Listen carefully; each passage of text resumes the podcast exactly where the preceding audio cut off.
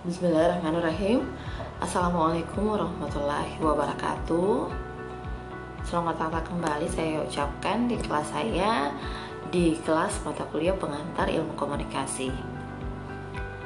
Senang sekali rasanya kita bisa bertemu kembali Walaupun belum bisa berinteraksi secara langsung Karena memang pihak kampus belum mengizinkan. Nah, para mahasiswa sekalian, di pertemuan kali ini, kita akan membahas tentang definisi dan fungsi komunikasi. Rasanya, istilah komunikasi adalah istilah yang cukup akrab dalam kehidupan kita sehari-hari. Istilah komunikasi sering kita gunakan istilah komunikasi sering menjadi bagian dari percakapan kita sehari-hari. Bahkan istilah ini menjadi istilah yang populer gitu ya. Bukan bukan lagi istilah yang asing atau istilah yang baru didengar. Misalnya ketika ketemu dengan teman lama, teman SMA dulu tanpa sengaja bertemu di jalan atau di tempat mana pun tiba-tiba saling bertegur sapa kemudian terlibat dalam sebuah pembicaraan. Tiba-tiba teringat dengan teman lainnya teman yang lainnya gitu. Terus ditanya eh pernah ketemu sama si Anu tidak? Terus dijawab tuh tidak saya sudah lama tidak berkomunikasi. Atau dalam bentuk penggunaan lain. Misalnya, dosen dituntut untuk menjalin komunikasi yang baik dengan mahasiswa supaya perkuliahan berjalan dengan efektif. Atau dalam penggunaan kalimat yang lain, saya yakin istilah ini pasti sering digunakan.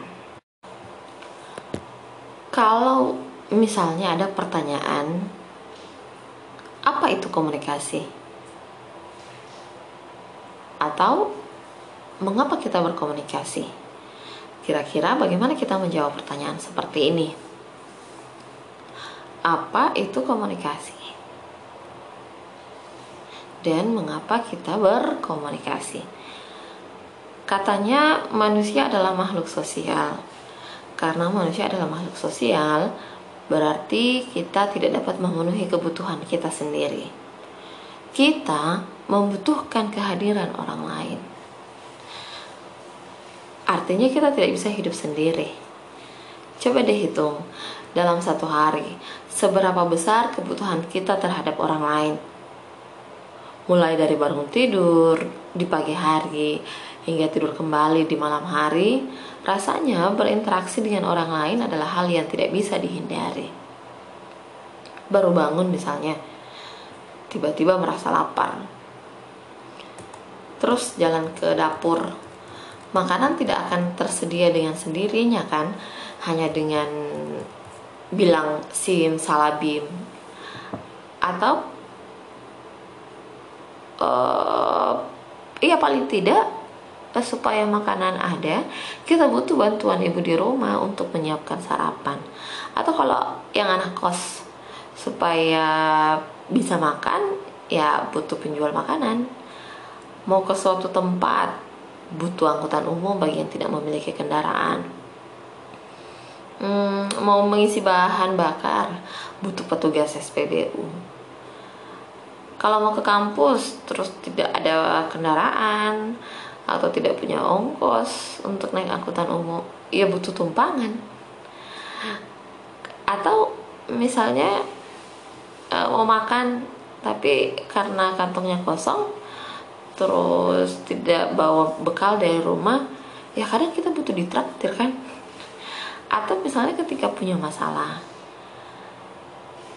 punya masalah yang rasanya tidak bisa diselesaikan dengan sendirinya. Tidak bisa diselesaikan sendiri gitu saat itu biasanya orang butuh teman butuh teman curhat untuk diajak saling berbagi atau paling tidak mendengarkan apa masalah yang kita hadapi dan lain-lain sebagainya berarti kita memang membutuhkan kehadiran orang lain dalam memenuhi kebutuhan kita, baik yang bersifat fisik maupun yang bersifat psikis. Bukan hanya itu, sebagai makhluk sosial, kadang kita ingin mengetahui lingkungan sekitar kita. Kita ingin mengetahui siapa yang berada di sekitar kita atau bagaimana keadaan dengan di sekitar kita ada teman baru misalnya atau tetangga baru gitu kadang kita tuh suka kepo kan tidak sabar mau kenalan mau tahu namanya siapa asalnya dari mana dan lain-lain. Memang kecenderungan manusia selalu ingin berinteraksi dengan orang di sekitarnya. Uh, tidak bisa berdiam diri di satu tempat terus tidak ngapa-ngapain gitu tidak bisa. Ketemu dengan lingkungan baru pasti selalu terdorong untuk mencari tahu bagaimana keadaan lingkungan di sekitarnya. Itulah manusia.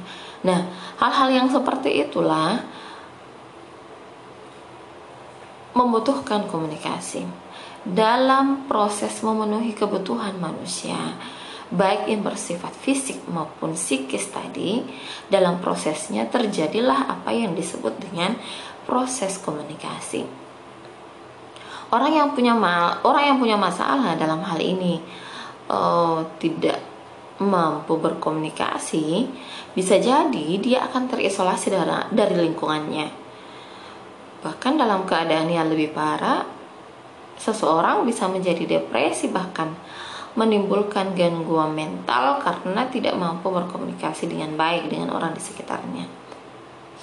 Apa jadinya ketika dalam satu keluarga yang terdiri dari bapak, ibu, anak, atau ada nenek, kakak, adik gitu, mereka tidak terlibat dalam komunikasi yang efektif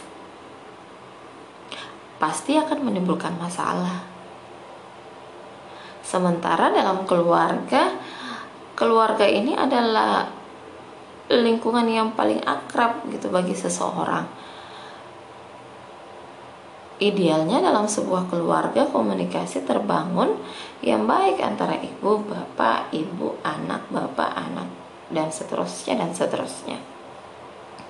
Jadi ber komunikasi adalah sebuah kebutuhan. Rasanya tidak salah ketika kita mengatakan bahwa kebutuhan manusia akan berkomunikasi sama seperti kebutuhan manusia terhadap udara untuk bernafas. Sepanjang manusia hidup, maka ia perlu untuk berkomunikasi. Bukankah dalam agama Allah berfirman, Sesungguhnya kami menciptakan kamu laki-laki dan perempuan supaya saling kenal mengenal lita'arafu. Ini adalah perintah untuk membangun hubungan baik antara makhluk ciptaan Allah SWT. Nah, mahasiswa sekalian, coba deh ingat-ingat ketika melakukan komunikasi dengan seseorang apakah itu memberi manfaat?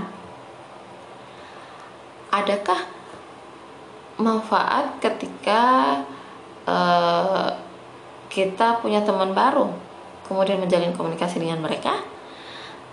Atau adakah manfaat ketika kita curhat tentang masalah pribadi yang agak sensitif kepada seseorang yang kita percayai?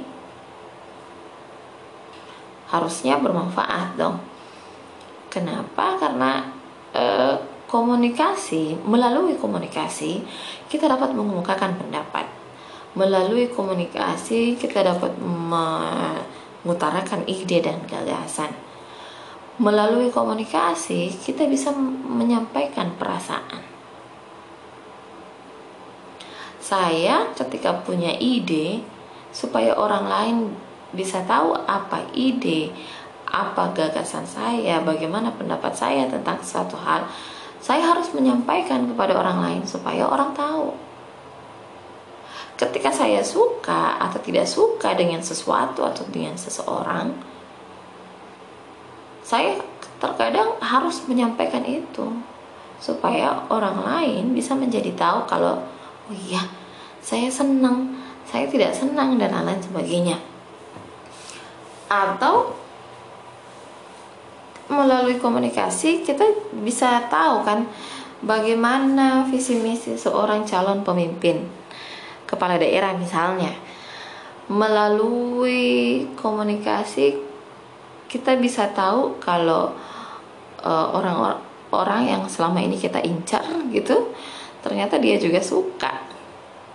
Jadi sekali lagi melalui komunikasi kita dapat mengemukakan pendapat, dapat mengutarakan ide dan gagasan dan mengungkapkan perasaan.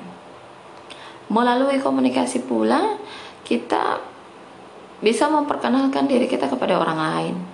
Saya tidak akan bisa mengenal si B kalau saya tidak memperkenalkan diri atau begitu pula sebaliknya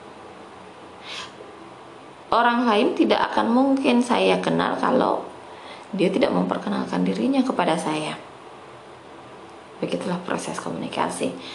Melalui komunikasi pula kita bisa kan kita bisa mengenal sifat dan karakter orang lain. Melalui komunikasi kita bisa tahu oh, orang itu orangnya eh, royal, dermawan, tidak pelit.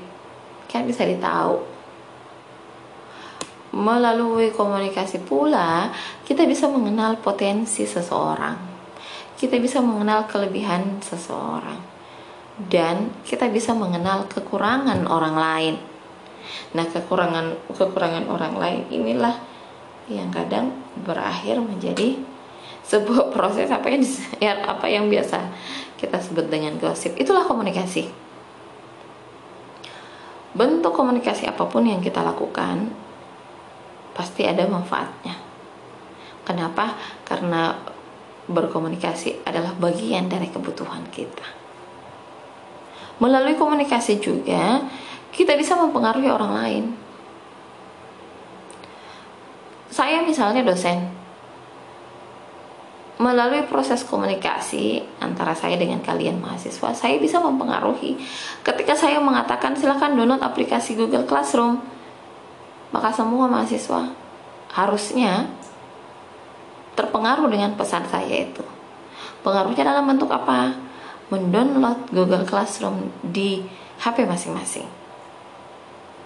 Atau e, dengan pesan singkat, seorang penjual online misalnya bisa mempengaruhi seseorang untuk membeli jualannya, ya kan? Nah, itulah komunikasi. Pertanyaannya kemudian adalah, kalau begitu komunikasi itu apa? Komunikasi berasal dari bahasa Latin yakni komunis yang berarti sama atau komuniker yang berarti membuat sama. Nah, sama dalam hal apa? Apa yang mau disamakan? Ketika kita berkomunikasi dengan seseorang, atau dengan orang lain, maka sebenarnya tujuannya adalah untuk menciptakan persamaan.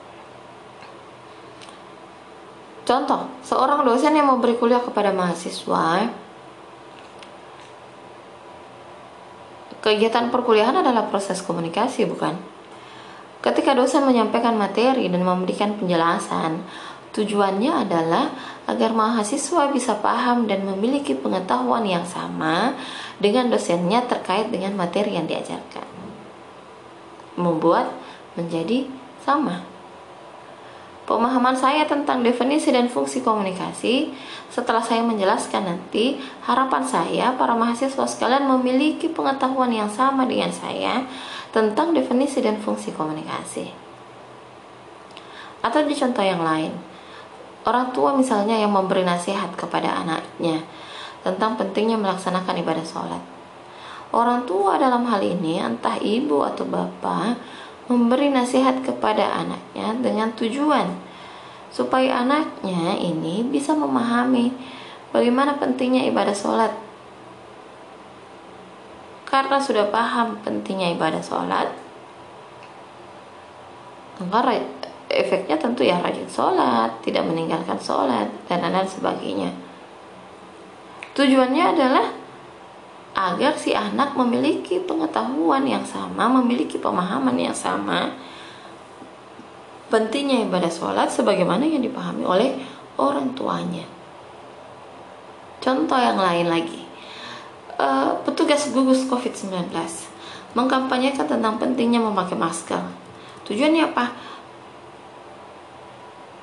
Masyarakat memiliki pandangan dan pengetahuan yang sama dengan para petugas gugus COVID-19 tentang pentingnya memakai pentingnya memakai masker dalam menghambat penyebaran virus COVID-19. Jadi, petugas COVID-19 akan mengkampanyekan pentingnya masker sesuai dengan pengetahuan mereka. Ketika itu sampai kepada masyarakat, diharapkan masyarakat juga memiliki pengetahuan yang sama seperti apa yang disampaikan oleh petugas gugus COVID-19 tadi. Jadi, ketika kita berkomunikasi, maka tujuannya adalah menciptakan persamaan.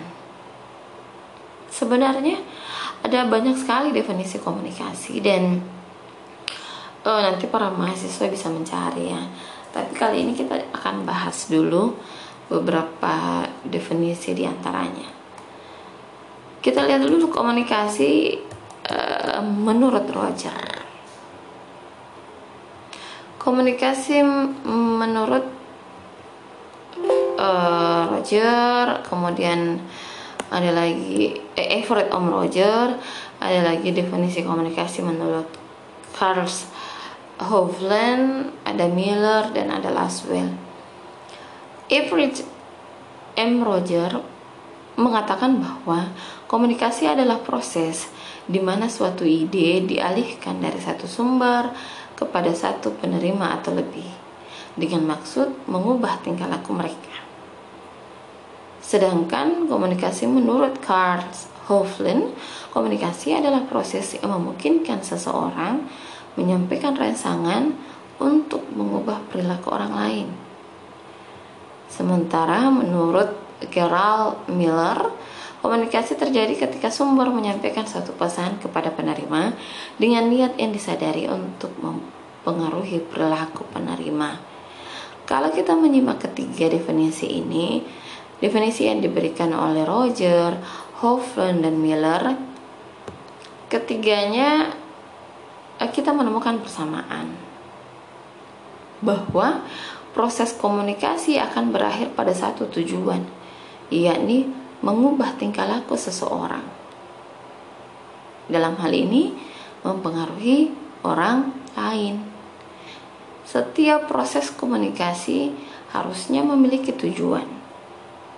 Tujuan dari proses komunikasi adalah mempengaruhi orang lain atau dalam hal ini uh, bukan hanya mengubah tingkah laku, tetapi mempengaruhi dapat juga bermakna dari tidak tahu menjadi tahu, dari suka menjadi tidak suka, dari senang menjadi tidak senang.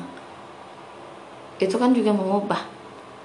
Ketika saya menonton iklan kosmetik atau lipstick Wardah misalnya, karena iklannya sangat menarik untuk dilihat, saya kok jadi suka iklan itu ya. Ini contoh ya. Tadinya saya tidak pakai lipstick merek Wardah, ya contoh misalnya tapi karena menonton iklan itu saya jadi suka sekali. Apa efeknya terhadap saya? Saya menjadi suka dengan uh, lipstick merek itu. Akhirnya apa? Dalam efek jangka panjangnya ketika saya ke uh, toko ke Alfamaret atau toko kosmetik maka yang saya cari adalah lipstick merek itu. Berarti iklan yang saya tonton telah mengubah perilaku saya. Dari awalnya dari sekedar tahu bahwa uh, Wardah mengeluarkan series lipstick terbaru. Atau yang dan efek lainnya adalah dari tidak suka dengan merek itu saya jadinya suka. Bahkan saya ke Indomaret membeli lipstick merek itu atau contoh yang lain tadi yang orang tua menasihati anaknya. Tentang pentingnya ibadah sholat. Ada tujuannya kan? Tujuannya adalah supaya mengubah tingkah laku si anak. Dari anaknya yang tadinya malas sholat berubah menjadi anaknya paham tentang bagaimana pentingnya melaksanakan ibadah sholat. Sekedar paham itu juga adalah efek dari sebuah komunikasi mengubah karena sudah paham mengapa menjalankan sholat itu penting akhirnya si anak ini berubah perilakunya. Dari malas sholat menjadi sholat tepat waktu dan akhirnya rajin sholat bahkan tidak meninggalkan sholat lima waktu sekalipun. Begitulah komunikasi komunikasi adalah e, kalau merujuk ke tiga definisi ini kalau begitu komunikasi adalah proses penyampaian pesan dari seseorang kepada orang lain. Kalau dalam bahasanya Hofland pesan itu disebut sebagai rangsangan. Coba lihat Hofland baik yang berupa lama-lama atau verbal untuk mengubah perilaku orang lain jadi komunikasi adalah proses penyampaian pesan dari seseorang kepada orang lain dengan tujuan untuk mempengaruhi orang lain dalam hal ini mengubah tingkah laku mereka. Sementara Laswell Laswell memberi definisi lain tentang komunikasi. Laswell mengatakan komunikasi adalah menjawab pertanyaan who, say what, in what channel, to whom, with what effect. Kalau definisi Laswell nanti saya jelaskan tersendiri ya. Kita akan bahas definisi Laswell ini nanti di pembahasan unsur-unsur komunikasi. Jadi, komunikasi adalah proses pengiriman dan penerimaan pesan komunikasi bukan hanya tentang pengiriman pesan. Komunikasi tidak terjadi hanya ketika kita mengirimkan pesan, tetapi komunikasi juga terjadi ketika kita menerima pesan. Komunikasi bukan hanya terjadi ketika saya dosen memberikan kuliah kepada adik-adik mahasiswa, tetapi komunikasi juga terjadi misalnya ketika adik-adik merespon atau memberi pertanyaan atau tidak setuju atau setuju dengan apa yang saya jelaskan. Itu juga adalah proses komunikasi. Ketika misalnya saya e, berangkat ke kampus naik angkot. Di tengah jalan saya melihat ada spanduk yang terpasang di depan SPB Urangas itu dengan sangat besar tentang uh, iklan perumahan yang dipasarkan dengan harga murah. Ketika saya membaca itu, saya menjadi tahu bahwa oh di Majene sekarang ada perumahan yang dipasarkan dengan harga murah. Berarti karena membaca spanduk itu, saya menjadi memiliki sebuah informasi baru. Berarti kondisi keadaan saya adalah saya sebagai penerima pesan menerima pesan berarti ketika saya membaca dan memahami isi spanduk itu maka terjadilah apa yang disebut dengan proses komunikasi ketika saya menghubungi ke ketua tingkat e, mengatakan bahwa kita akan kuliah besok jam 8 itu adalah proses komunikasi Kenapa? Karena saya mengirimkan informasi kepada ketua tingkat dan ketua tingkat menerima pesan dari saya yakni kita akan kuliah besok. Jadi sekali lagi, komunikasi adalah proses pengiriman dan penerimaan pesan. Nah, berdasarkan definisi di atas, kalau begitu komunikasi adalah hal yang kita temui dalam kehidupan sehari-hari karena kita temui dalam sehari-hari, maka bisa dipastikan semua orang pasti terlibat dalam proses komunikasi dalam kehidupan sehari-harinya. Kalau begitu semua orang bisa berkomunikasi. Terus kenapa mesti dipelajari lagi bahkan sampai ada mata kuliahnya gitu, bahkan ada program studinya kan. Ya sih? mengapa orang penting untuk belajar komunikasi? Berapa banyak orang yang kehilangan teman karena gagal berkomunikasi? Berapa banyak penjual yang kehilangan pelanggannya karena tidak mampu membangun komunikasi yang baik? Berapa banyak orang yang terputus rezekinya karena memutus tali silaturahmi? Itulah pentingnya mempelajari komunikasi. Ketika kita mempelajari komunikasi, kita akan menjadi tahu bagaimana membangun hubungan dengan orang lain. Ketika kita mempelajari komunikasi, kita akan belajar bagaimana teknik membangun komunikasi antara penjual dengan pelanggan berdasarkan teori-teori komunikasi bisnis. Dan e, kecenderungannya sekarang adalah semakin banyak orang yang tidak mengenal etika dalam berkomunikasi. Ini sering terjadi, apalagi di sosial media. Nah, kalau para mahasiswa sekalian sering mendengar lowongan, sering membaca, melihat di Instagram atau di media mana pun lowongan pekerjaan kekinian, e, biasanya di lowongan itu tertulis E, membuka lowongan untuk posisi ini misalnya dengan syarat sebagai berikut. Satu menguasai aplikasi komputer. Dua menguasai bahasa asing. Tiga memiliki kemampuan berkomunikasi yang baik. Biasanya kemampuan berkomunikasi yang baik itu menjadi syarat untuk mencari pekerjaan zaman now. Artinya apa? Artinya memang keterampilan dan kemampuan berkomunikasi itu communication skill hari ini adalah menjadi keterampilan yang sangat penting dalam mencari pekerjaan.